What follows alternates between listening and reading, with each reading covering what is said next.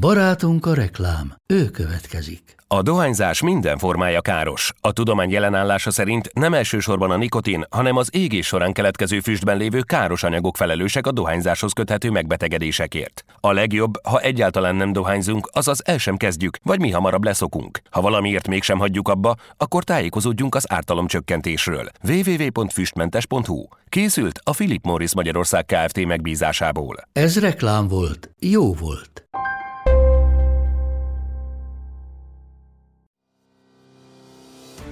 A mai adást a Disney Plus támogatta, ahol május 2-től megtekinthető az Anne Frank bújtatója című minisorozat, amely Maeve Gies figyelemre méltó igaz történetét dolgozza fel. A holland ellenállás segítségével Maeve és férje nem csak frankékat, hanem sokakat rejtegetett a náciktól a második világháborúban. Már ismerhetjük Anne Frank rejtek helyen élt életét. De mi történt a könyves polc másik oldalán?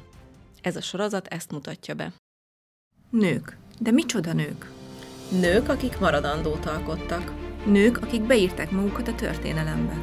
Nők, akiknek nem volt egyszerű életük. Nők, akik nem adták fel. Nők, akik nem érték be az elég jóval. Nők, akik nem törődtek bele a nembe. És a nemüknek szánt sorsba.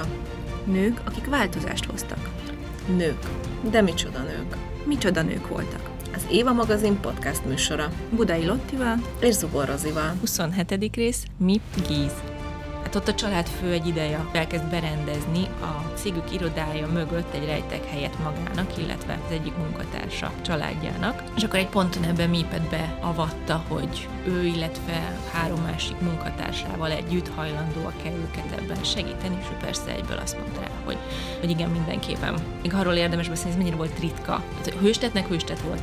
Közel 20 ezer emberről tudni, hogy ők rejtettek el zsidókat, és azért ugye egy nagy szám európai viszonylatban, viszont a 28 elrejtett zsidóra jutott sok feljelentés is, ahogy valószínűleg frankékat is feljelentették, és csak a 10, 28-ból csak 16 ezer élte túl a háborút a bujkálásban mípéknél is bújtak meg mások. Na, egyébként ez a másik durva, hogy gyakorlatilag egyébként így körbe szorongták az életüket, meg a Igen. mindennapjaikat, szóval, hogy nem csak az volt, hogy akkor a frank családnak segítettek, hanem egyébként a saját otthonukban is folytatták Igen. ezt. Egyre gyakrabban jelentek meg az utcán fekete keretes szövegek kivégzések helyéről is, idejéről is azoknak a hollandoknak a nevével, akik zsidókat rejtegetek, és mi, amikor ment munkába, minden nap látott több ilyet.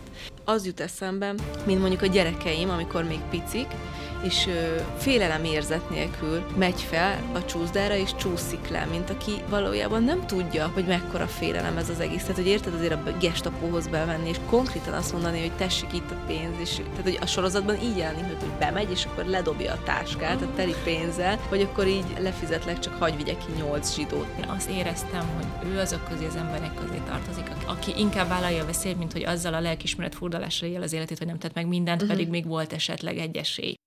A Döntés című könyvnek az elolvasására nagyon nehezen szántam rá magam, de nekem azt nagyon sokat adott, és azóta egész máshogy nézek, meg tekintek, meg gondolok. A második világháborúval kapcsolatos eseményekre, meg erre az egész zsidó holokauszt ilyen kapcsolatos dolgokra, és érdekes, hogy látok egy ilyen hullámot, hogy most megint nagyon sok könyv jön ki ezzel kapcsolatban, és ugye a Disney Plus, amikor megkeresett minket, akkor kicsit tőlük meg is lepődtem, hogy kijönnek egy ilyen sorozattal, ami ezzel a témával foglalkozik. Én megmondom őszintén, hogy nem olvastam az Anne Frank naplóját azelőtt, most se voltam képes végigolvasni, beleolvastam, és nagyon durva élmény volt, és nagyon megrázó volt annak tudatában, hogy, hogy ezt a 13 éves lány kezdte el. Te azelőtt, hogy készültünk az adásra, olvastad már?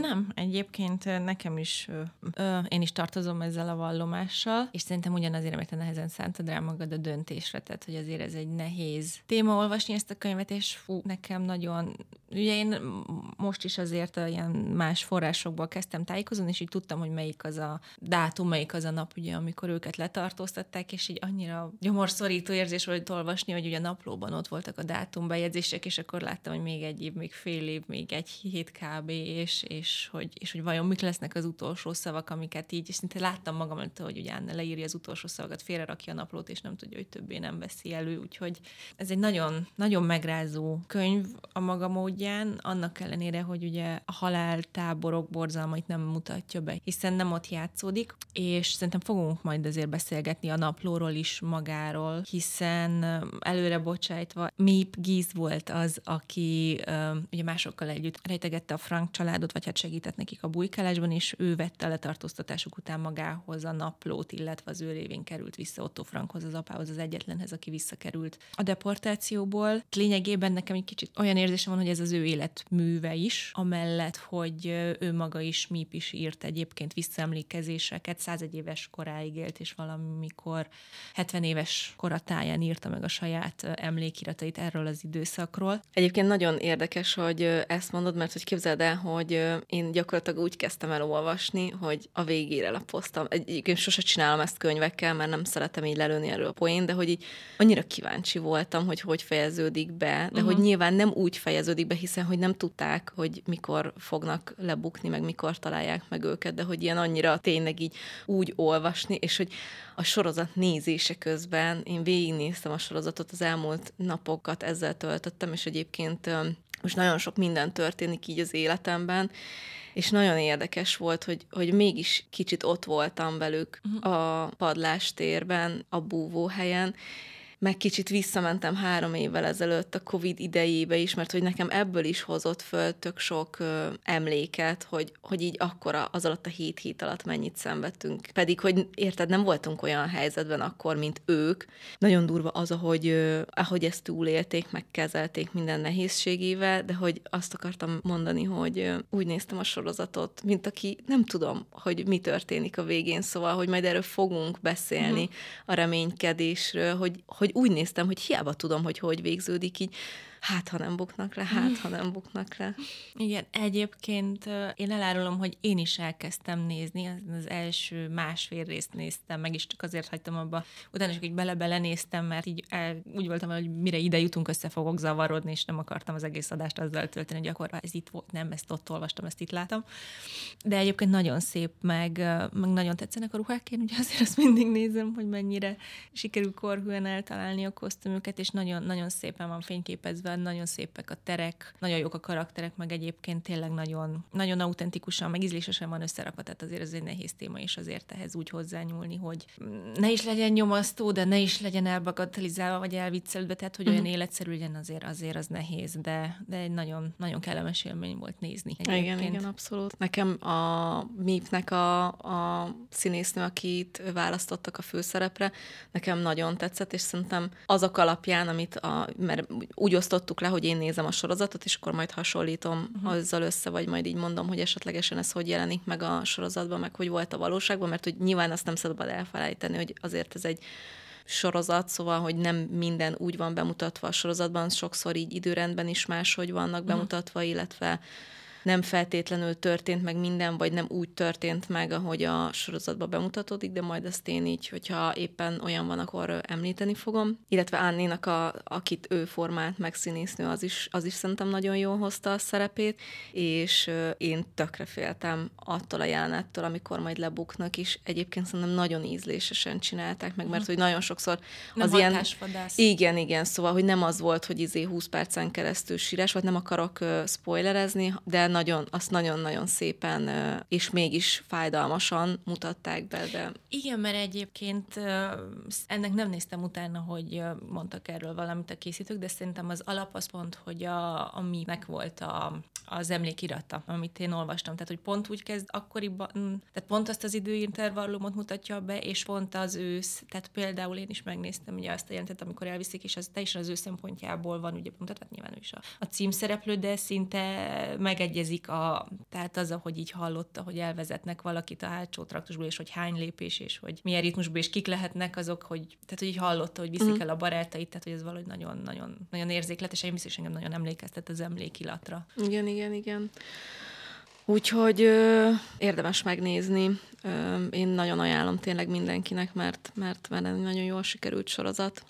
Úgyhogy ebben a részben viszont kifejezetten MIP-ről, illetve hát ugye, amit mondtál, hogy azért majd a naplóra ki fogunk térni. Igen, és egyébként én sem tudtam, hogy kibújtat amúgy a Frank családot, tehát hogy nekem is azért meg kellett először ismerkednem vele, de mondjuk ezért is örülök, hogy rá került sor, vagy így vele is tudunk foglalkozni, mert azért a téma is nagyon fontos, meg, meg mélyreható, illetve hát egy nagyon különleges karaktert ismerhetünk meg ennek révén, meg egy olyan embert, akinek végül is egy nagyon fontos irodalom történeti, meg történelmi emléket köszönhetünk, hogy megmenekült. Egyébként úgy kezdtük a felvételt, hogy hogy kell rendesen kiejteni, ami már csak azért is érdekes, mert hogy igazából ugye nem is ez volt az igazi neve, mm-hmm. tehát hogy az utókor tudja már, csak ő így. Igen, az eredeti neve egyébként, és ennek is utána nézhettünk volna kiejtésén, németes emlékeim szerint Ermin Zanturschitz, ugyanis ő nem holland volt, hanem osztrák, és 1909-ben született Bécsben,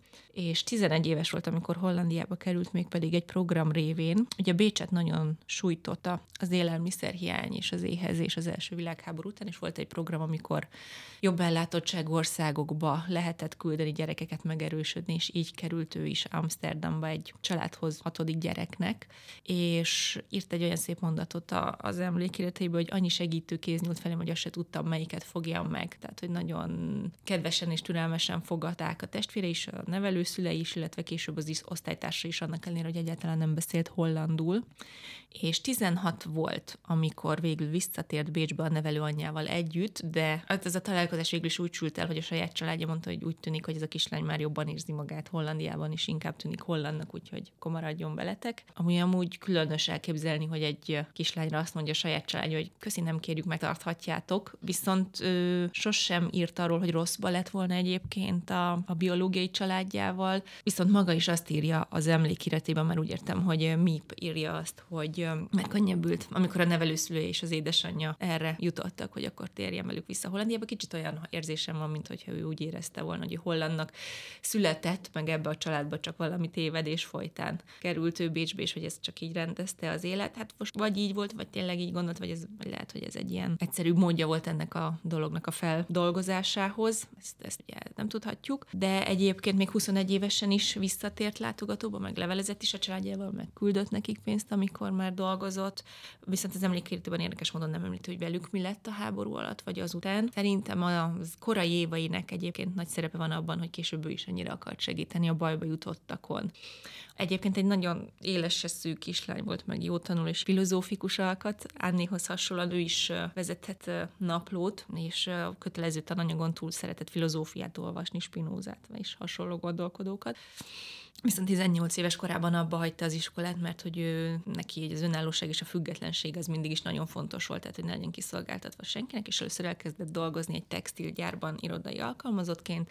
Onnan 33-on egy lépítés miatt elkerült, amiről írja is, hogy nagyon nehezen viselte pont ezért, mert hogy nem szeretett kiszolgáltatott lenni, és akkor egy szomszédasszonyuk, aki női utazóügynök volt, akikből ugye nagyon sok volt ezekben az időkben, még hogyha emlékszünk még a C.G. Walkerre, ugye ott is ugye rengeteg nőt foglalkoztatott ő is ebben az állásban Ugye akkoriban még nem volt internet, tehát hogy ez egy nagyon gyakori állás volt mondjuk nők számára is. Na és ő említette, hogy egy kolléganője betegség miatt egy kiesett egy cégtől, ez volt az OPECTA. Itt találkozott MIP először Otto Frankkal. Róla azt kell tudni, hogy ő egyébként egy német üzletember volt, és Aachenből menekültek el a zsidó törvények meghozatala után Németországból, és az ő sógurainak volt a tulajdonában ez a bizonyos OPECTA cég, aminek volt egy lányvállalat Amsterdamon, és akkor mondták, hogy akkor vegy át ő, és utána ment később ugye a családja, a felesége és a két lánya Margó és Anne. Ez az opektának az volt a fő profilja, hogy egy újonnan felfedezett, az almából kivont pektint kezdték el bevezetni a piacra, amit nagyon jól lehetett használni jamfőzéshez is egyébként, a MIP-nek ez is volt az első állás, hogy meg kellett tanulnia jamet főzni tökéletesre,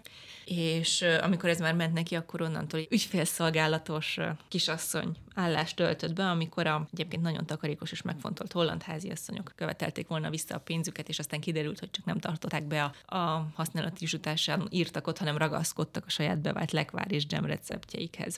Viszont a lényeg az, hogy később betöltötte még fontosabb funkciókat is, pénzügyi, könyvelési feladatokat ellátott, és hogy nagyon jóba lett egyébként a Frank családdal. Ő is, meg a vőlegénye is, aki egy Young Giz nevű, nagyon jóképű fiatal ember volt, aki vele az első cégénél ismerkedtek meg, és utána ő szociális munkásként dolgozott, és mind a ketten nagyon gyakran, tehát gyakran jártak át Frankékhoz mindenféle összejövetelekre, és szerettek volna összeházasodni, de a részben a menekült helyzet miatt Amsterdamban ez akkor szinte lehetetlen volt, hogy valamilyen lakhatáshoz jussanak, és akkor Otto Frank jött az ötlettel, hogy van egy Samson asszonynak nevezett, nevezi MIPA önéletrajzában, de valószínűleg még erre is álnevet használt. Tehát, hogy Otto Frank mutatta be a hölgynek, aki egyedül maradt, miután a lánya és annak a férje elbújtak vidéken, és akkor keresett valakit a szobáiba, és így kerültek végül ö, lakhatáshoz, tehát, hogy ebben is az Otto Frank segített neki. Illetve abban is, hogy aztán tőle jött egy ilyen mentőtlet, hogy hogyan házasodjanak össze, mert ö, hát ö, Mipnek ugye osztrák volt az állampolgársága, és nem fordítottak időt energiát arra, hogy új, új útlevelet csináltassanak neki. Épp ezért, amikor 38-ban Hitler elfoglalta Ausztriát, és ezt ugye német, ezzel német állampolgárán minősítettek minden osztrákot, így Mipet is, és nem sokkal ezután egy ilyen idegen, hát ilyen szőke kinézetű árja lány kopogtatott az ajtajukon, és nagyon mézes mázusan ecsetelte neki, hogy megkapta a nevét a német nagykövetsége, mint Hollandiában időző német állampolgárét, és hogy azt tervezik, hogy egy ilyen helyi Hitler támogató csoportot, vagy náci szimpatizáns csoportot hoznak létre, ahol majd összejönnek, és közösen gondolkodnak, és majd terveznek tanulmányi utakat Németországban megnézni, hogy hogy működnek a dolgok.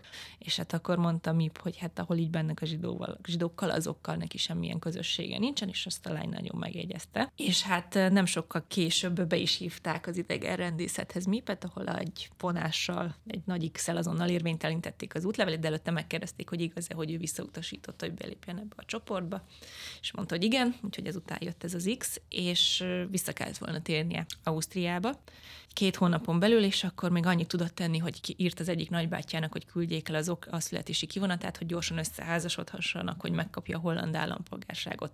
És akkor visszírt ez a nagybácsi, hogy rendben, csak ez postázd el az útleveledet, mert amúgy nem tudom kikérni. És akkor ott álltak, hogy de hát az én útlevelem érvénytelen, ezzel nem tudunk mit csinálni. És akkor mondta az Otto Frank, hogy hát csináltasson egy fényképet az útlevel első oldaláról, ahol ott van a horog kereszt, meg a fényképe, és hogy egy német állampolgár. Viszont ugye nem látszik az érvénytelenítés, és hogy értsék meg, hogy ezekben az időkben egyébként meg nem járhat az útlevele nélkül, és ez működött, hogy az utolsó pillanatban megjött az anyakönyvi kivonat, és a Frank család társaságában össze is házasodtak. És hát aztán elérkezett 1939. szeptember 1 amikor Hitler megtámadta Lengyelországot, és májusban pedig Hollandiát is, aki egyébként semlegesnek nyilvánította magát ebben a háborúban. És hát ugye ez volt ez az időszak, amikor Hitler így fél Európát látszólag nagyon könnyen leigázt, és tényleg megállíthatatlannak tűnt, és ugye a holland sereg sem tudott mit kezdeni az erejével, és, és érdekes hogy hogy fonódnak egymásba az epizódjaink, hogy így olvastam Mipnél, hogy mennyire megrázta a hollandokat, amikor a királyi család gyakorlatilag másnap, a megszállás másnapján átmenekült Angliába, és hogy ehhez képest tényleg mennyire érthetővé válik mondjuk az épszerűsége Györgynek és Erzsébetnek, ugye második Erzsébet szüleinek, akik ott maradtak. Nem, nem csak, hogy Angliában, hanem Londonban is ott tartották a lányaikat is, akiket egyébként elküldhettek volna Kanadában, sőt ott maradtak a Buckingham palotában, még akkor is, amikor London bombázták. Úgyhogy ez csak egy ilyen zárójeles megjegyzés, csak hogy érdekes amúgy, hogy ilyen kontextusban minden azért sokkal jobban érthetővé válik. Igen. Mert hát ugye Amsterdamban is elég durva dolgok kezdtek el történni, tehát hogy bár messze volt, meg, meg semlegesek voltak, de hogy azért zsidónak ott se volt jó lenni. Igen, hát ugye a helyi náci pártnak ugye a hatalomra jutásával ugye ott is elkezdték bevezetni azokat a tilalmakat, megszorításokat, numerus claususokat, amiket már tilalmakat, megszorításokat és numerus claususokat, amiket ugye Németországban, és ne felejtsük el, hogy már Magyarországon is bevezettek, hiszen ebben a háborúban mi a szövetségesei voltunk a németeknek, ezt egyébként nagyon gyakran szeretjük elfelejteni. És egyébként, nem... amikor felvesszük, pont két napja volt a Magyar Holokauszt. Emléknap? Emléknap, igen. És ne szeretjük elfelejteni. Igen, igen, igen. És nem tudom, gondolkodtam ezen, hogy amúgy ezt behozzam, de az én családomnak egyébként szerencsére nincsen ebben lényegében érintettsége, de talán meséltem már az én fogadott dédmamámról, aki Párizsban él, és most 95 éves, most voltam a szülinapján, úgyhogy nagyon ciki. Majd utána nézek legfeljebb kivágott, hogy ja. tévedtem. És uh, azt hiszem a Fridás részben meséltem uh-huh. már róla. És ő egyébként uh, egy holokauszt túlélő, vagy ő deportálásnak szokta emlegetni, úgyhogy nálunk annyira nem gyakori ez a szó, de úgy valószínűleg miatt én is deportálásnak fogom hívni, mert ugye ezért tőle hallok sokat erről, mert 16 éves volt, amikor Nagyváradról deportációba került.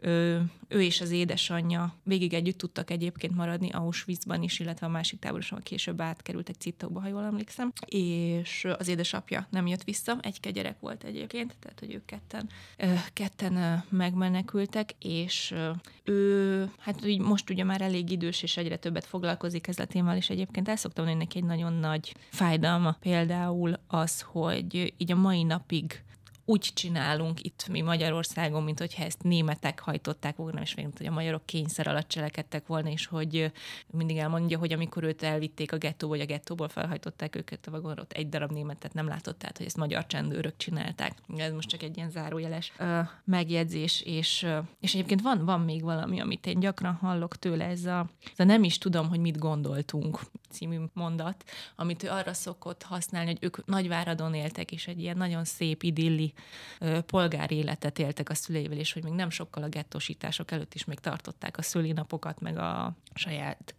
ünnepeiket, meg, a, meg, meg hát ezt a hétköznapi életet, amit éltek, és hogy, hogy így nem is érti, hogy miért gondolták azt, vagy hiték el, hogy például őket csak munkára viszik, vagy csak dolgozni viszik, mert hát ugye ez volt a, a narratív, amikor a zsidókat elkezdték elszállítani. És egyébként nem is baj, szerintem, hogy felhoztam ezt, mert, mert szerintem ez az egyik nagyon fontos tanulsága MIP történetének, hogy ugye ők leírják ezt a folyamatot, hogy hogy kezdett el folyni ugye a zsidókról a levegő megszállás után, hogy először csak regisztráltatni kellett magukat, aztán nem tudom, a parkban nem ülhettek le a padokra, majd nem is mehettek be a parkokba, aztán orvoshoz, fogorvoshoz csak zsidó, fogorvoshoz, orvoshoz mehettek, de zsidó orvosok nem láthattak el nem zsidókat, aztán a zsidók nem szállhattak közlekedési járműre, nem mehettek színházba, nem tarthatták meg még a biciklieiket sem, nem mentek bevásárolni, csak mondjuk egy napi két órában, ami nyitva állt a számukra, és aztán már az utcára sem mehettek ki este 8 és reggel 6 között, és ugye végül jött a Dávid csillag is, amit folyamatosan hordaniuk kellett, és hogy miben meg a férjében. Ugye volt egy szorongás is, egy ilyen nagyon nagy szégyenérzet is egyébként, amiért ez az ő hazájukban megtörténik, és amiért nem tudnak ez ellen tenni semmit, és, és valahogy nagyon á, érződik ebből a két, ugye két év telt el Hollandiában például a megszállás és a, a deportálások kezdete között és tényleg érezni a leírásukból ezt a tehetetlenséget, vagy bénultságot egyrészt, amivel ezeket a rendelkezéseknek az életbe léptetését végignézték, illetve valamilyen nagyon furcsa reménykedés. Tehát, hogy, tehát, hogy ez a valahogy majd csak jobb lesz, vagy biztos azért a legrosszabb csak nem fog bekövetkezni, féle hozzá is akkor ezzel akarok visszautalni, hogy, hogy itt jön a Jutkának ez a mondata, hogy nem is értem, mit gondoltunk, vagy miben reménykedtünk és um, szerintem itt valahol kirajzolódik az emberiségnek egy ilyen nagy uh, gyengéje, legalábbis szerintem, ez valahol azért a szubjektív véleményem is, de, de azért elmondom, hogy úgy érzem, hogy amikor úgymond így szorul a hurok, akkor mi emberek így nagyon szeretjük, meg akarjuk is magunkat áltatni. Ilyen mondatokkal, hogy most nem tudom, hogy ilyeneket mondhatott mondjuk Mip és a férje hogy lehet, hogy most nem mehetnek vásárolni, de a munkájukat azért nem veszik el. Lehet, hogy nem dolgozhatnak, de biztos nem viszik el őket. Lehet, hogy elviszik őket, de biztos csak dolgozni, biztosan nem ölik meg uh-huh. őket. És ebből a szempontból szerintem mindegy is, hogy zsidókról vagy, vagy a megszállott ország más lakóiról, szimpatizánsokról, ellenállókról van szó, sőt igazából melyik rezsimről vagy korról beszélünk. Mert szerintem ez a mai napig így működik, tehát hogy minden, minden elnyomás és minden zsarnoki rendszer az ilyen kis piranya harapásokkal kezdődik, tehát hogy először csak kis szabadságot vesznek el, aztán nagyobbat és nagyobbat, és hogy előbb csak regisztrálnod kell valahova, de más úgy sem lesz, csak bizonyos könyveket tiltanak be és égetnek el, de attól még van sajtószabadság, csak bizonyos dolgokról nem lehet beszélni, de attól még van szólás szabadság, és aztán így valahogy egyre kevesebb és kevesebb lesz a szabadság. És ennek megvan a maga oka, mert hogyha a szabadságot szép fokozatosan veszik el az embert, akkor az ember lesz, mint az a béka, amit ha, ha hideg vízzel együtt kezdenek forralni, akkor megfő és észre sem veszi, még hogyha forró vízbe rakod, akkor kiugrik. Tehát, hogyha a szabadságot hirtelen veszed el, akkor, akkor a nép hajlamos fellázadni, egyébként meg be tud lépni ez a struc politikára való hajlam. Hogy, hogy nem tudom, lehet, hogy nem mondhatom azt, amit akarok, de legalább szabadon mozoghatok, lehet, hogy nem mehetek oda, ahol akarok, de még legalább hagynak dolgozni, lehet, hogy már munkám sincs, de legalább még élek, és hát hogy aztán mi lesz ugye az a... És hát ez a tanulság, hogy nincs olyan, hogy csak kis szabadságot vesznek el, szerintem. Tehát, hogy ez, ez nagyon, nagyon, nagyon fog, tapinthatóan átjön a könyvből, meg nem tudom, hogy egyébként a sorozatból mennyire. Igen, abszolút ott is ez így megjelenik, amikor így nem hiszik el az egyiket a másik után, az egyik uh-huh. ilyen döntést a másik után, hogy akkor, mit tudom én, csak este nyolc után már nem mehetnek ki zsidók. Egyébként most, hogy így mondod, így ilyen globálisan is ez például egy ilyen klímaszorongásos dologra is tök ráhúzható, hogy érted, itt vagyunk, évek óta beszélünk erről, hogy mekkora nagy baj van, de hogy így... Majd csak történik valami. Majd, majd úgyis kitalálnak valamit. De hogy így érted, tehát hogy azért ehhez így, így mi is kellünk, meg hogy így észre kellene venni, hogy nem, tehát hogy azért ez nem így fog történni meg örüljünk neki, hogy azért belehalhatunk a munkába, mert van, aki nem halhat bele, és az meg éhen hal, uh-huh. szóval, hogy így. Vagy meg kell hallgatni a szívhangot, de attól még legális nálunk az abortusz, vagy... Hát igen. Hát igen. Igen, szóval igen, nagyon-nagyon elgondolkodható, és egyébként annyira durva, mert hogy tényleg a döntés óta tök sokat foglalkozom ezzel a témával, és így egyébként így mindig, tehát hogy minden alkalom, amikor elolvasok egy könyvet, vagy egy dokumentumfilmet, vagy nézek, vagy valami, akkor így mindig azon bennem, hogy ennél már nem tudnak durvábbat mutatni, vagy mondani, hogy, hogy mi, tényleg mik történtek abban az időben, uh-huh. és hogy mindig egy, jön egy új könyv, egy új sorozat, egy bármi, és még mindig be tudják mutatni, hogy ez mennyire egy, egy aljas, egy embertelen időszak volt, hogy... Hát szürreális egyébként. De tényleg. Tehát, hogy mm, mm, itt kell, amikor beszélgetünk erről egyébként, tehát nem annyira sokszor, uh-huh.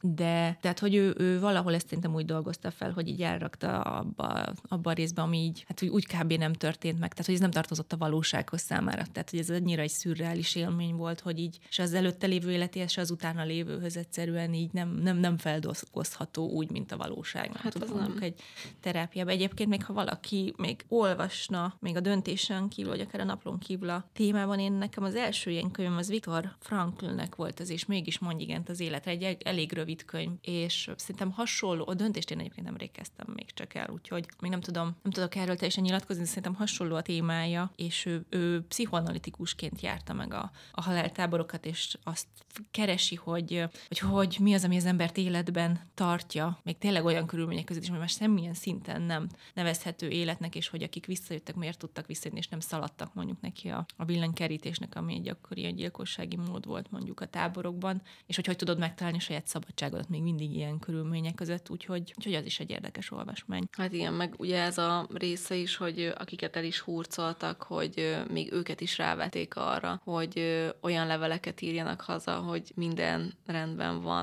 Igen, és ez, igen, ez, ez is egy amúgy nekem a memoárokból, vagy a memoárból derült most ki, hogy mert bennem mindig azért volt kérdő, meg, meg erről is szoktunk beszélgetni, hogy hogy lehet az, hogy valakik mondjuk elbújtak, valakik mondjuk nem is gondoltak arra, hogy neki kéne, vagy gondoltak, hogy kéne, de végül is nem valósították meg. Ö, valamilyen szinten ez is benne volt, hogy el volt terjesztve, hogy csak munkára viszik őket, és hogy ugye a holland deportáltakat voltak, akiket arra kényszerítettek ugye fegyverrel, hogy írjanak haza olyan leveleket, hogy hát amiket mi írtunk haza a táborból, hogy az ellátás jó, a hmm. szállás kényelmes, a munka nem megterhelő, és hát és volt egyébként olyan trükk, amit a, a hollandok vetetőbb, hogy odaírták mondjuk egy üzenet végére, hogy add át üdvözletem ellen de Grótnak, ami egy gyakori holland név, de hogyha összeteszed az ellen, azt, hogy ellen is, de akkor az jön ki, hogy ellen, de ami azt jelenti, hogy szenvedés, a Grót meg szörnyű. Egyébként az Anne Frank alapítvány oldalán, vagy egy szervezet oldalán amúgy sok érdekes információ is van a,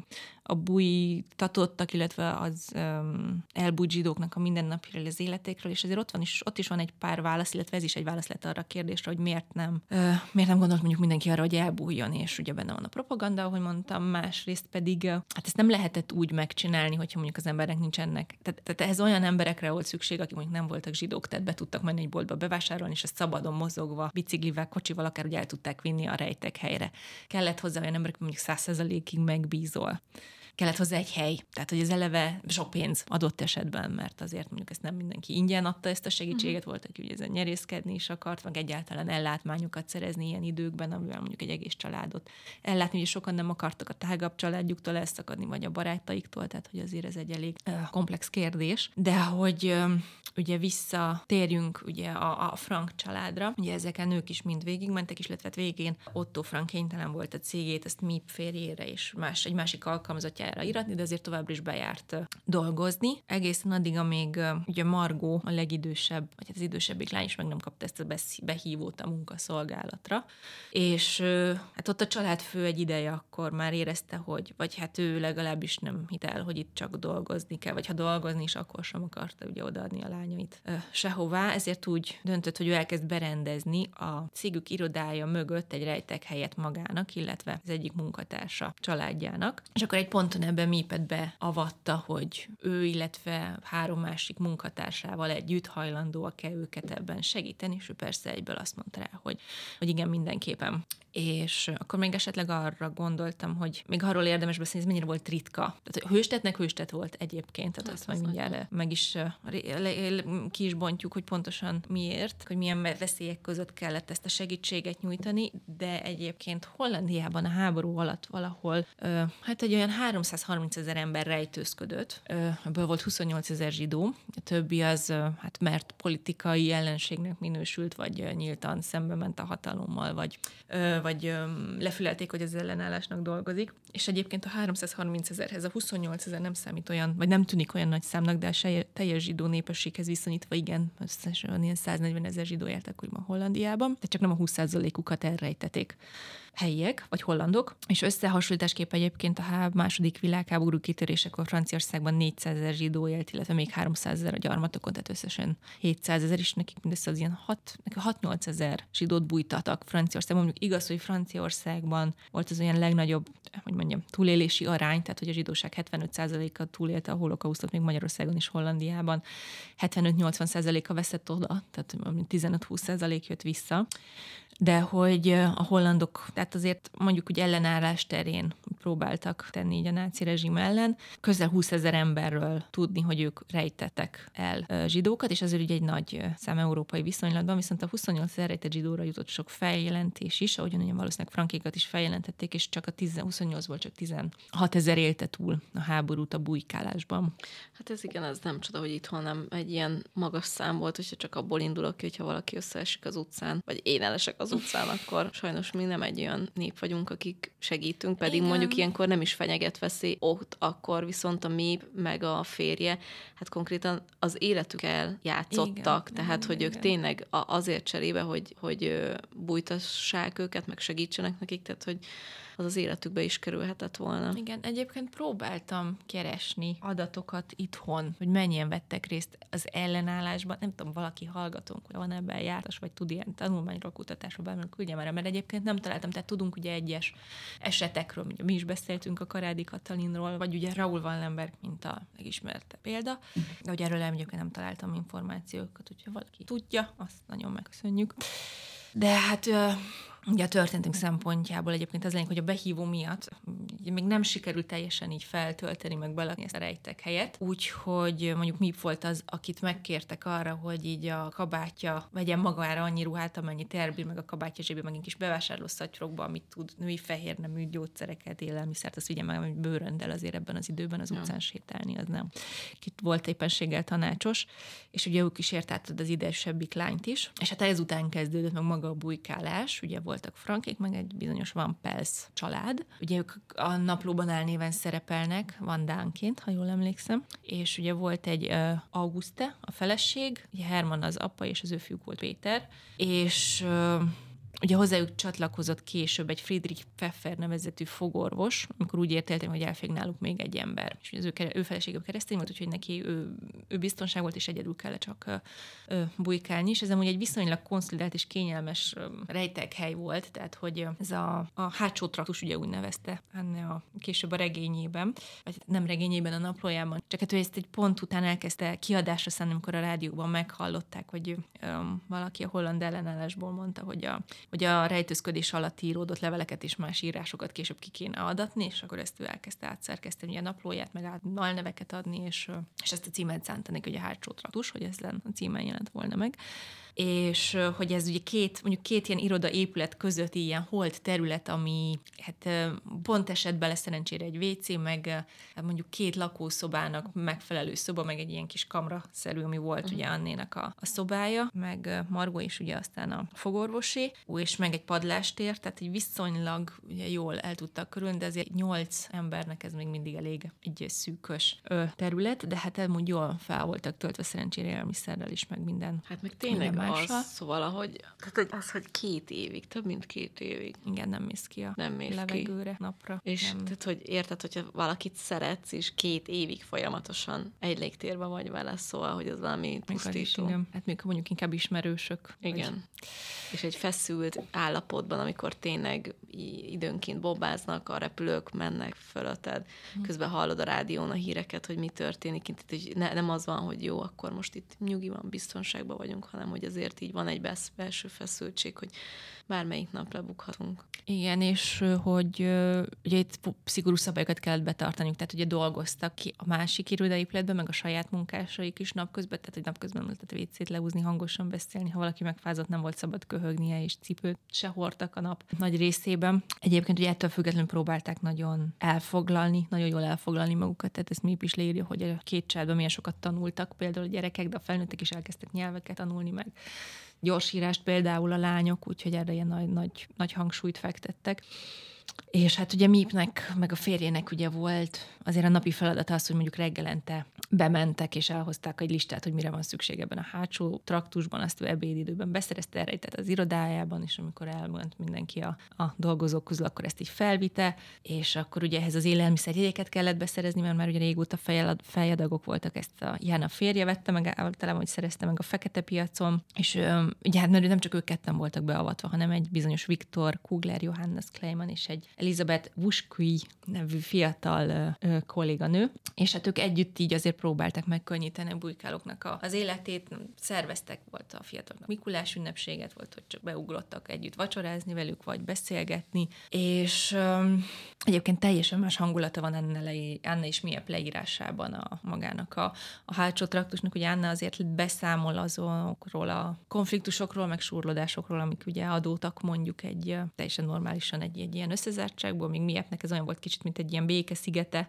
mert nagyon sok mindenről azért nem tudtak, hogy mi zajlik Hollandiában, vagy hogy milyen újabb szörnyű rendeleteket hoztak ki a németek, úgyhogy neki ez egy inkább gyereitek, tehát neki, ez, neki is egy menedék volt, csak, csak másféle, de őt nem is nagyon terhelték például azzal a, tehát a depresszióval sem, a szorongásokkal, az állandó félelemmel, és sem, és egészen meglepődött például, amikor egy reggel úgy találta az egész családot, hogy mindenki, tehát hogy nem, nem mentek ki WC részére mindent ott gyűjtöttek vödrökbe, és senki, látszott, hogy senki nem aludt az éles, mindenki ilyen felfegyverkezve szinte így nyitott ki neki a hajtót, és kérdezte, hogy mi történt, és hogy hát hallottak valami zajt, és hogy azt hitték, hogy betörök, és hogy a betörökre majd jönnek a rendőrök, és hogy megtalálják őket, mm. és akkor így, így Jézusom, nem történt semmi. Tehát, hogy később egyébként tényleg törtek be már, amikor kezdett ugye fogyni az élelmiszer Amsterdamban, tehát hogy ez egy élelmiszer ö, forgalmazó cég volt, ugye többek között nem csak ezzel a petinnal dolgoztak. Úgyhogy ezért ez később valós fenyegetés is lett, de hogy akkor így mi is meglepődött, és valahol ott esett le neki mondjuk úgy, hogy mennyire feszült idegállapotban éltek, és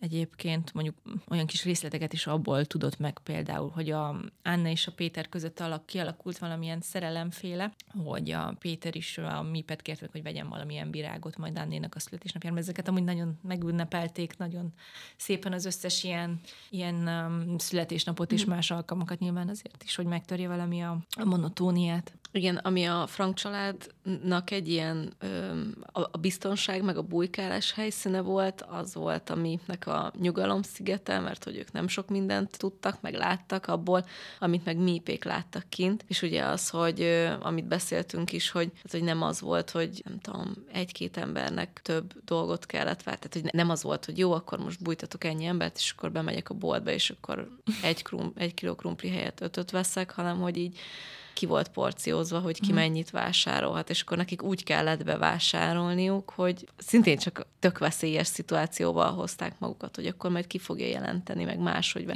Ez egyébként tök jól jelenik meg a a sorozatban, hogy így milyen történeteket találnak ki, hogy most miért kellene több, meg nem tudom, és akkor hogy segítenek nekik. Uh-huh. Meg egyébként volt az emlékiratiba ír egy zöldséges, aki ezt észrevette egyébként, és onnantól azért félretett neki szándékosan, és mondjuk ki, ő ki is szállított hozzájuk, és direkt délben vitte ki az árut, amikor tudta, mm. hogy a mhm. dolgozók ebédelnek, és senki nem vesz észre, hogy ő mondjuk átveszi a, a szállítmányt, és róla is egyébként kiderült később, hogy maga is bújtatott hm. Két zsidót. Meg tényleg ez a WC lehúzás, meg hetente egyszer fülöttek, meg nem tudom, szóval, hogy így nyilván, amikor az életed múlik rajta, akkor így tényleg mindent megteszel, de hogy így ebbe azért így belegondolni, nem? És hát ők akkor még egyéb szerencsésebbek. Tehát, hogy tehát olyan helyeken, e, szerencsések voltak egyrészt, hogy ennyi egy helyen tudtak maradni, mert azért valaki egyszer csinálta holland tehát a bujkálás túlélők között egy felmérés, hogy átlag azért 6-7-szer biztos, hogy kellett mozogni, tehát uh-huh. a, a bujkálás időszak alatt, mert veszélyesé vált, és tovább kellett állni, és akkor itt egy pajta, egy földbeásott lyuk, pince, kamra, szekrény, bármit el lehet uh-huh. képzelni, tehát hogy, és egyébként mipéknél is bújtak meg mások, tehát hogy Na, egyébként ez a másik durva, hogy, hogy így nem volt elég, hogy ez, hanem hogy gyakorlatilag egyébként így körbe szorongták az életüket, meg a Igen. mindennapjaikat. Szóval, hogy nem csak az volt, hogy akkor a Frank családnak segítettek, hanem egyébként a saját otthonukban is folytatták Igen. ezt. Igen, igen, például ennek a, hát ugye a könyvben a Samson asszony az ő, ő házigazdájuk, akiknek szintén egy idő után ugye rejtek helyet kellett keresni, és hát neki például a lánya, meg a férje, aki ugye elment vidékre, ez pánikba esett a deportálások hírére, és elmentek a gyerekeikkel együtt az Amsterdami pályaudvarra, hogy valamelle elinduljanak, akkor már várták a csendőrök a, a menekülni készülő zsidókat, és nem tudni, hogy hogy menekült meg a két kisgyerek, de hogy egy nő bekopogott a mipékhez, hogy ezt a címet adták meg, hogy ide hozzuk a két gyereket, és akkor őket például ilyen szervezeteken keresztül elküldték vidékre, ahol akik ö, olyan helyekre, ahol vagy gyerekeket bújtattak, de sajnos azt hiszem csak az egyikük élte túl. Hmm. És ez a Samson asszony pedig oda költözött a helyükre ebbe a villába, és és ott a tulajdonosnő fiának kellett menekülni, tehát cseréltek végül is, ő pedig átment a mipékhez, mert ő azt hiszem, az a fiú pedig nem tette le azt az esküt, amit egyetemistáknak kellett ahhoz, hogy uh-huh. folytathassák a tanulmányaikat így a német rendszerre, vagy Hitlerre. És... Ez máshogy jelenik meg a sorozatban, ott azt hiszem csendőr uh, viszi vissza a mipékhez uh-huh. a két gyereket, és akkor utána végül um, úgy menekítik a két gyereket, hogy amikor találkoznak a kimenekítőkkel, akkor derül ki számukra is, hogy két külön helyre viszik uh-huh. a mhm. gyerekeket, és akkor ott az egy ilyen nagyon szívszorító rész, hogy azt mondják, hogy de hát csak így tudják meg, nem lehet uh-huh. őket együtt, és akkor szőkére festik a gyerekek haját, meg nem tudom, szóval tényleg így bele se gondol az ember, hogy, hogy a gyerekeknek is milyen volt. Nem, nem, nem, nem is tudom, hogy lehetne ezt test közelbe hozni, tehát hogy én, én például sose bliceltem, mert én nem bírom ezt a uh-huh. szorongást. Tehát, hogy most jön az ellenőr, nem lebukok, vagy nem. Uh-huh. És akkor most ehhez képest ugye egy ilyen egymilliószoros szorongás faktor, de így éjjel-nappal és, és ennek jelei vannak, hogy például a veszély egyre nő. Tehát egyébként zsidó bújtatásért halálbüntetés is uh-huh. járhatott. És mondjuk például egy nap ezt a zöldségest, akiről meséltem, már nem találták bent a boltban, mert hogy valaki feljelentette őt is, és elvitték a, a, a bújtatott zsidókkal együtt őt is vagy egyre gyakrabban jelentek meg az utcán fekete keretes szövegek kivégzések helyéről és idejéről és azoknak a hollandoknak a nevével, akik zsidókat rejtegetik, és mi, amikor ment munkába, minden nap látott több ilyet és nem egyszer voltak ők is veszélyben például, amikor ilyet nagyon sok könyvet vittek a, a hátsó traktusba, és például a fogorvos kért egy könyvet, amiről mi nem tudta, hogy amúgy ez egy betiltott náci ellenes könyv, csak vitte a többivel együtt, átvette valahol, aki, ahol mondta a fogorvos, hogy hol fogja találni, vagy hogy melyik könyvesboltban, és vették, hogy melyik könyvesboltban veszik ki a pult alól neki, és biciklizett vissza, és akkor egy németekkel teli terepjáró, vagy teherautó így leszorította az útról, felborult, és akkor már nagyon, nagyon elege volt belőlük, és akkor elkezdett káromkodni, meg szitkozódni rájuk, és hogyha ott most ők akkor ott előállítják, vagy megmotozzák, akkor ott helyben nagyon lövik. Ja. Ezért a könyvért. Vagy egy ízben például Samson asszonynak is kijöttek az ingóságait rekvirálni a nácik, és akkor is kis ilyen fedezték fel, hogy ott is bújtatnak valakit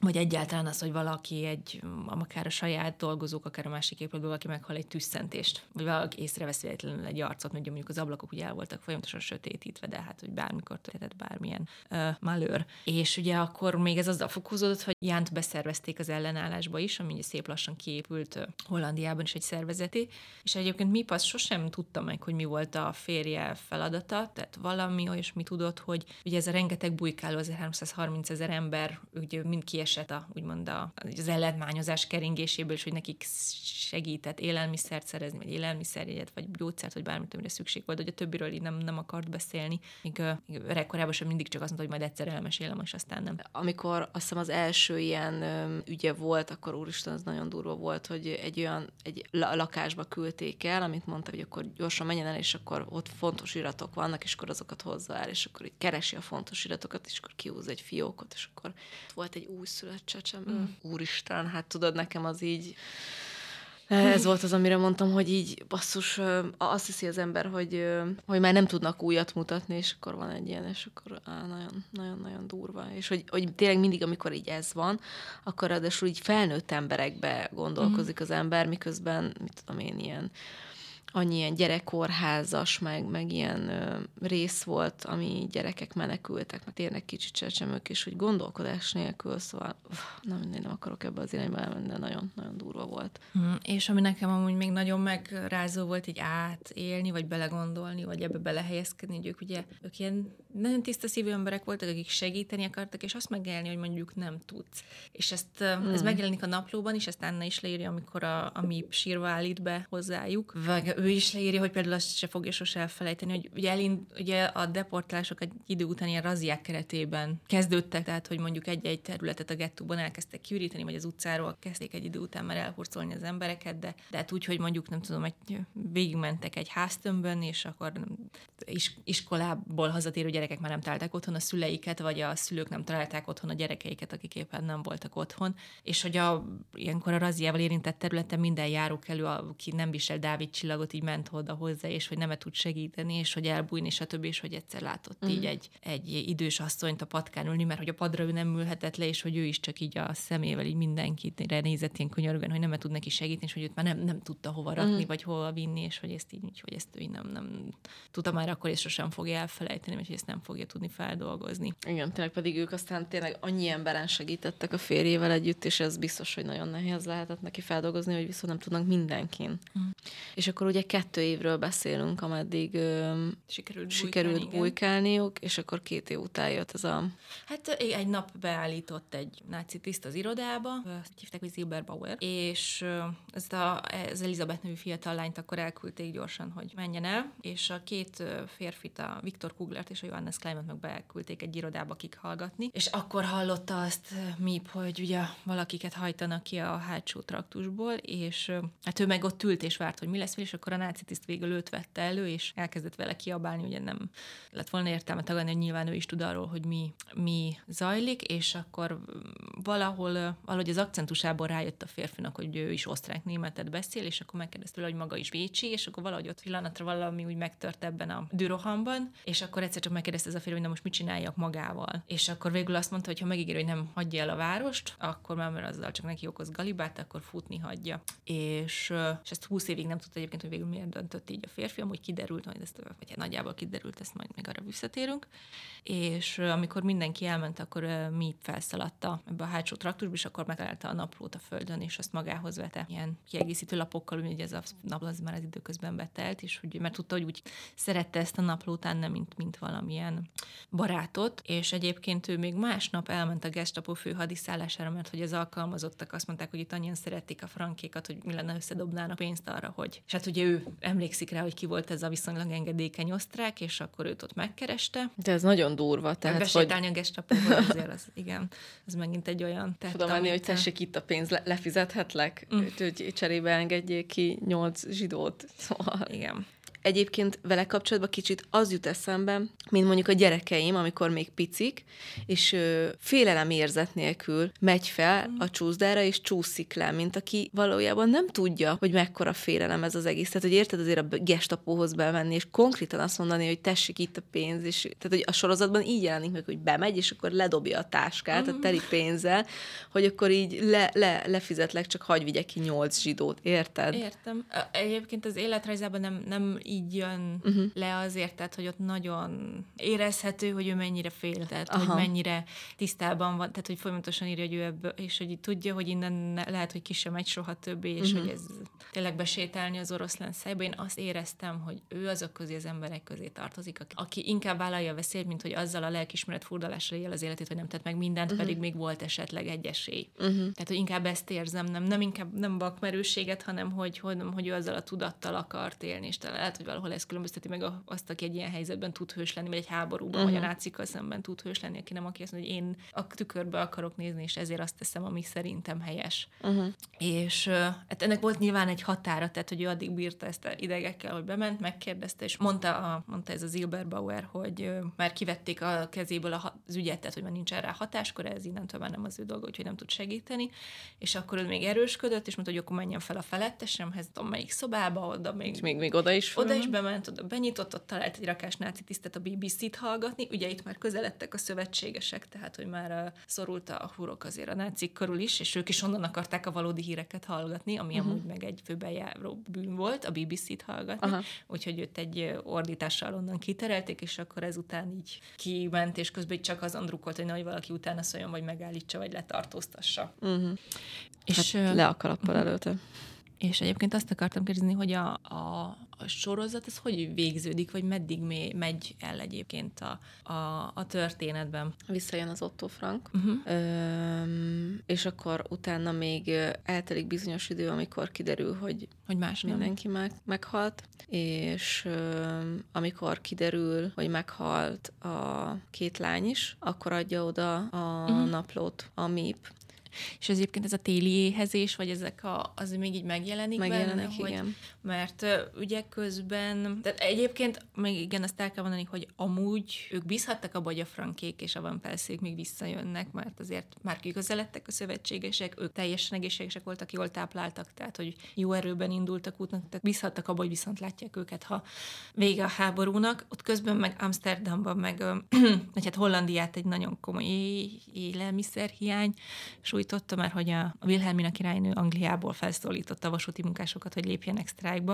Részben azért, hogy az utolsó deportációkat megakadályozzák, de leginkább azért, hogy a németek ellátmányozását ugye itt a háború végéhez közeledve még meg tudják akadályozni, és a vasutasok másnap sztrájkba is léptek, viszont ezzel megszűnt a szén és élelmiszerellátás a civileknek is, és hát a nácik meghoztak német munkásokat, vagy német vasutasokat, É, viszont a büntetésről civil ellát, civilek ellátását nem indították újra. És egyébként Audrey Hepburnnél is már megint, hogy mi, mi minden elér össze. Hm. Volt erről szó, hogy ez volt ez az időszak, amikor ugye egy életre szóló soványságát, vagy hát ezt az anyagcsere zavart, amiben szenvedett, ugye akkor ekkor, ekkor szerezte, és hát mi is a bicikliével járt ilyenkor vidéken, járt le vidékre, de volt, hogy napoknyi távolságra, hogy így a farmokról pár tojást, vagy tejet, vagy bármit össze tudjon szerezni, és ugye azért is húzódott el ez nagyon, mert ugye elkezdték, ugye jött már a partaszállás, még hallották a rádióból frankék is, ugye a, a normandiai partaszállás, de ugye, hogy számolták fel ugye a német állásokat, ez való megtorpant Hollandia előtt, és ők csak 45 májusában szabadultak fel.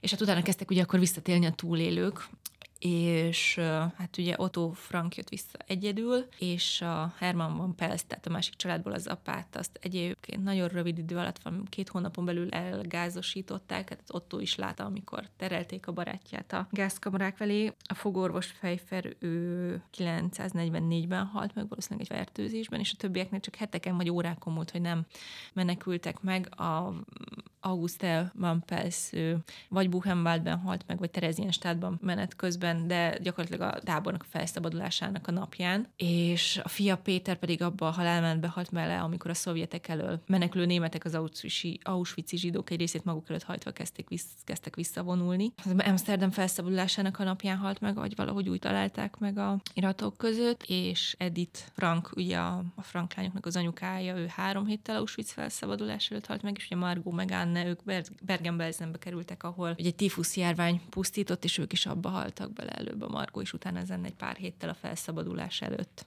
És a többi bújtatóval mi lett?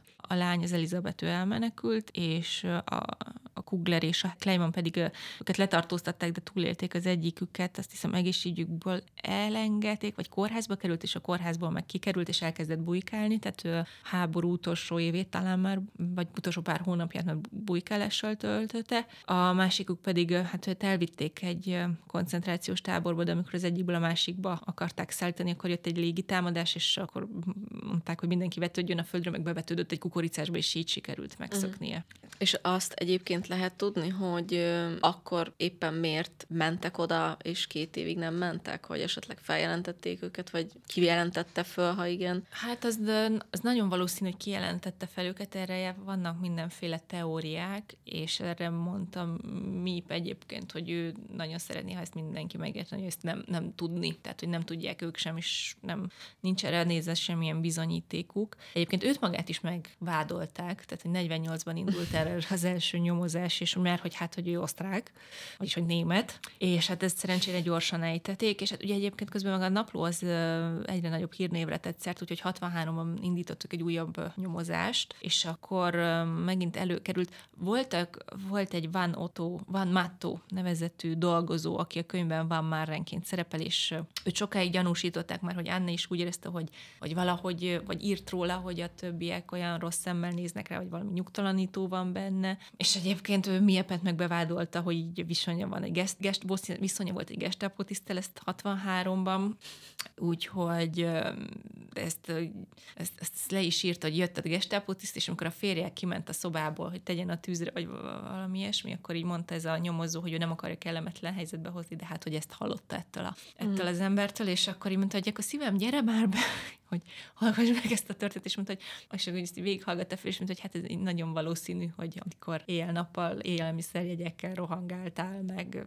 zöldségekkel, meg nem tudom, akkor még egy viszonyra is volt időd, mm. és akkor kiröhögte a nyomozót, és akkor ő mondta, hogy jó rendben, akkor ezt hagyjuk és mondta, hogy viszont el fog menni kihallgatni az Abel Bauert, aki a, utána hát annyi letorziót kapott, amiért részt vett a nácik munkájában. Egy évig nem dolgozhatott rendőrként, mert amúgy rendőr volt, és már rendőrként is dolgozott megint Bécsben, amikor ez a nyomozó megkereste, és akkor egyébként megkérdezte, hogy miért renget el. Nem emlékezett a feljelentő nevére, kérdezték, hogy emlékszik erre, mondta, hogy nem. És kérdezte, hogy miért engedte el egyébként a MIPet, és akkor azt mondta, azt mondta, ha jól, jól emlékszem, hogy mert hogy amúgy olyan kis helyes lány volt. Tehát, hogy így ennyi, ennyi múlt. És és um, még igen, még azt, azt akartam volna elmesélni, ami bizonyítja, hogy mennyire közel álltak Otto Frankkal a, a gízházas pár, hogy amikor visszatért a Amsterdamba, akkor egyből hozzájuk ment, és együtt is laktak még nyolc éven át, ami után ö, Otto Svájcba költözött, és újra megnősült, egy szintén egy holokauszt túlélő ö, nőt vett el, akinek volt egy lánya, tehát lett egy mostoha lánya, és igazából az egész, hát a hátralévő életükben a lánya hagyatékát gondozta. Mm, és a, hát ugye, hogy mondtad is a naplót, ezt a, a, amikor megkapta a lánya halálhírét, akkor adta át a MIP, hogy megőrizte, és hát egyből az otónak leesett az álla, hogy ugye sose olvasták a naplót, hogy mennyire fantasztikusan ír a lány, és hogy milyen te, képzelő tehetsége van, és akkor egy társaságban, ahol összegyűltek más túlélők, egy történész mondta, hogy ezt lehet, hogy ki kéne adatni, akkor így vonakodva beleegyezett, és az első pár kiadás még ilyen cenzúrázott volt, mert hogy az Otto kivett pár részt, ahol a Anne nagyon szigorúan ír az anyjáról, nem volt jó a kapcsolatuk, amiben vannak ilyen szex szexuális töltetű részek, és de a későbbiek már ezek nélkül, a cenzúrák nélkül jelen, jeleztek be. Virginiában be is akarták tiltani az iskolai könyvtárakon egyébként.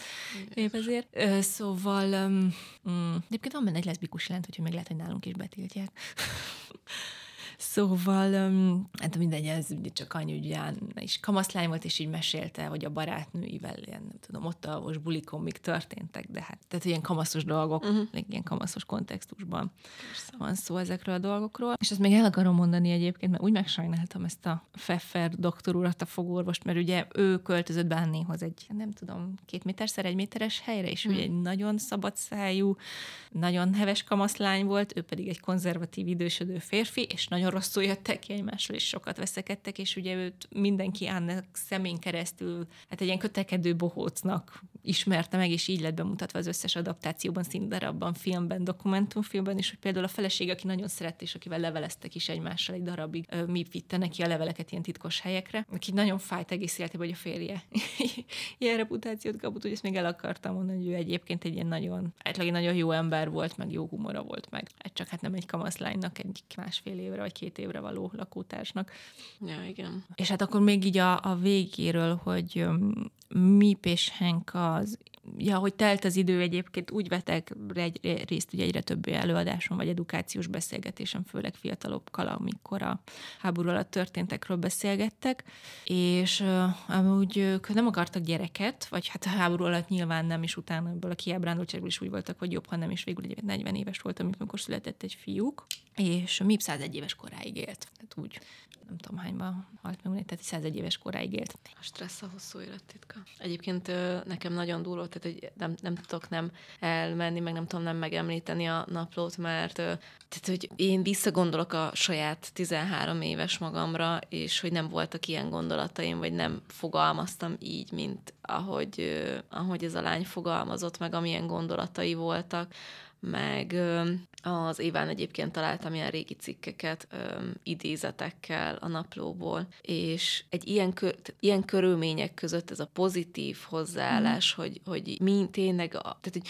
persze nagyon sokat ír, nekem nagyon fájdalmas volt olvasni, hogy az anyukájával tényleg mennyire ö, nehéz viszonyuk volt, de ugye erről beszéltünk, hogy, ö, hogy egy ilyen összezárt helyzetben az nagyon nehéz lehet, de hogy így egy, ennek ellenére is egyébként a teli van pozitív idézetel, meg az ilyen idézetes oldalakon is csomó található tőle, hogy, hogy, hogy mi, mindig végül arra futott ki, hogy de egyébként még élhetnek, és akkor az állandó remény, hogy majd amikor kijönnek, mit fognak csinálni, először mit fognak csinálni, szóval tényleg nagyon durva olvasmány. Igen, meg nekem azért tűnik, biztos ezt elmondták, hogy máshol is, hogy amúgy az nekem a jelentőség ennek a naplónak, hogy tehát van ez a mondás, ami egy kicsit sarkos, de hogy ugye hogy egy ember halála, tragédia, milliók és statisztika. Tehát, hogy ezt a mérvű vesztességet, amit egyébként a, a deportálás ezt nem tudjuk felfogni. Tehát ez ugyanúgy szürreális. Tehát, hogy mennyi, mennyi élet, mennyi uh-huh. szeretet, mennyi kapcsolat, mennyi tehetség, bármi, ami oda veszett.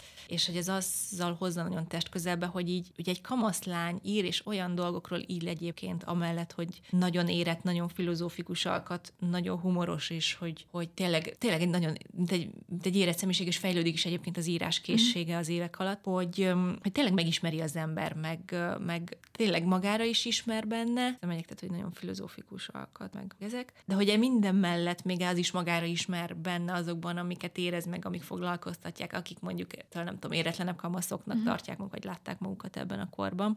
És tényleg, amit hogy szerettedet veszítetted volna el. Egyébként én nagyon sok ponton tudok vele azonosulni, mert tehát egyébként érződik, hogy egy lázadó volt, vagy egy uh-huh. ilyen nonkonformista volt, és például nyilván meg is keresem ezt, a, ezt az idézetet, hogy így mik, mik érdekelték, vagy mikkel foglalkozott, ezt rögtön mindjárt mondom is.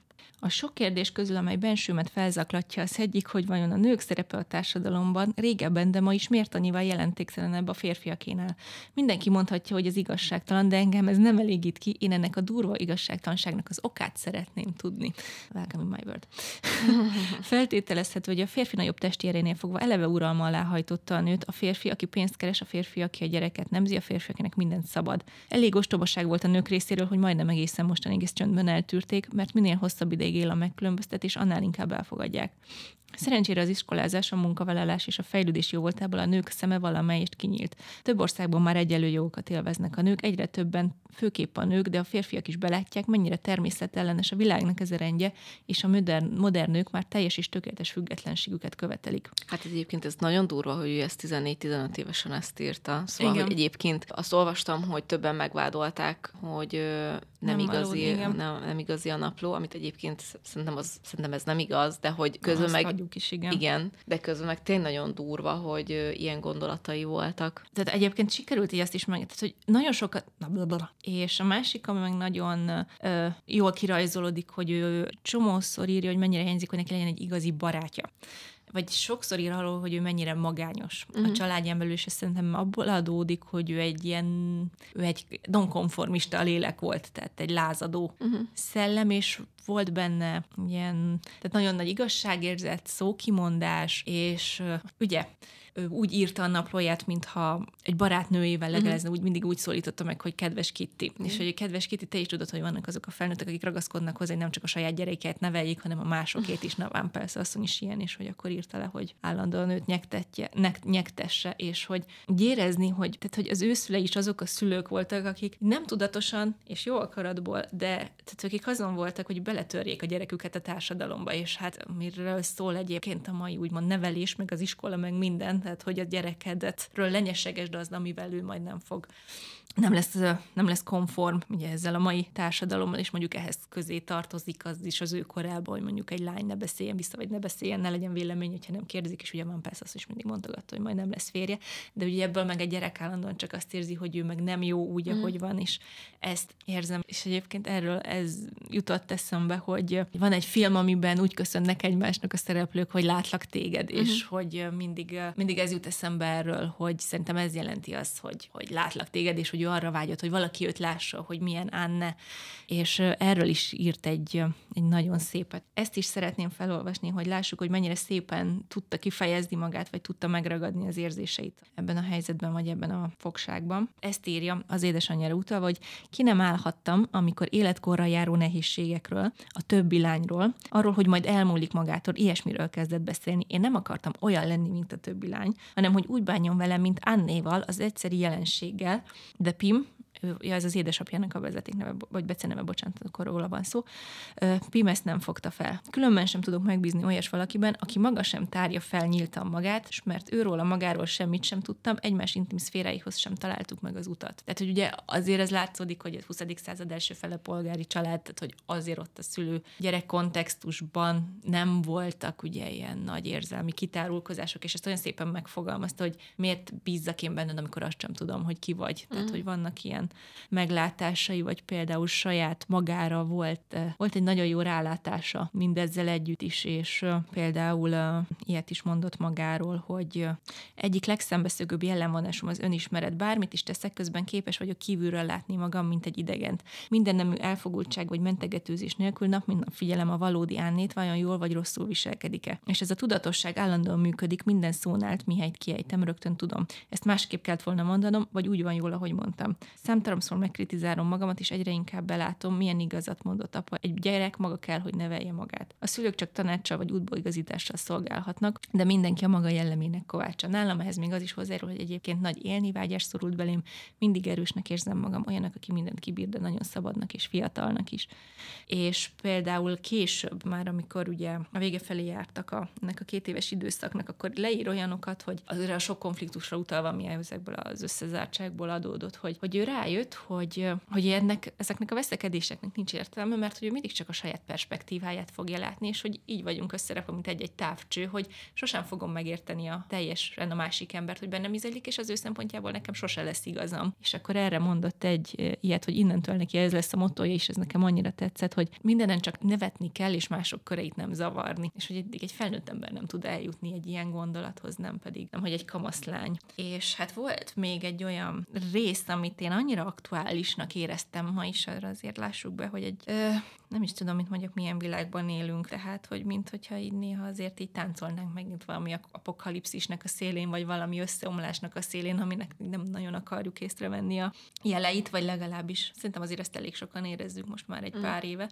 És uh, talán ezért is indítottak meg nagyon azok a szavak, amiket írt a saját helyzetével kapcsolatban, persze, de ezek így hangzottak, hogy korunkban az a legnehezebb, hogy az eszmények, álmok és szép jövőképek már fel sem ötlenek, vagy ha mégis elsöprés elpusztítja őket a legkegyetlenebb valóság. Csoda már az is, hogy még nem adtam fel a legszebb reményeimet, talán azért, mert olyan abszurdnak és megvalósíthatatlannak tetszenek. Mi mindenekkel dacolva kitartok mellettük, mert még mindig hiszek az emberek lelki jóságában. Lehetetlenségnek tűnik, hogy az ember halálra, nyomorúságra és káoszra alapozza az életét. Látom magam előtte, hogy a világ egyre kietlenebb sivataggá változik.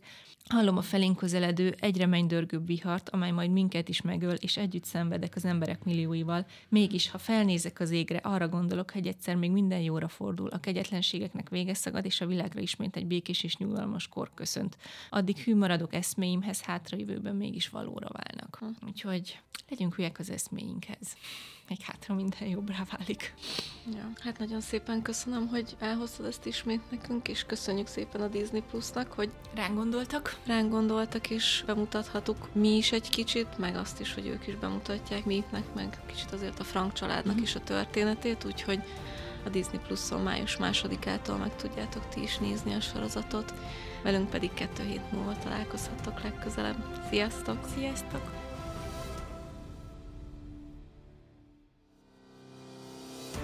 A mai adást a Disney Plus támogatta, ahol május 2-től megtekinthető az Anne Frank bújtatója című minisorozat, amely Maeve Gies figyelemre méltó igaz történetét dolgozza fel. A holland ellenállás segítségével Maeve és férje nem csak frankékat, hanem sokakat rejtegetett a náciktól a második világháborúban. Már ismerhetjük Anne Frank rejtek helyen élt életét. De mi történt a könyvespolc másik oldalán?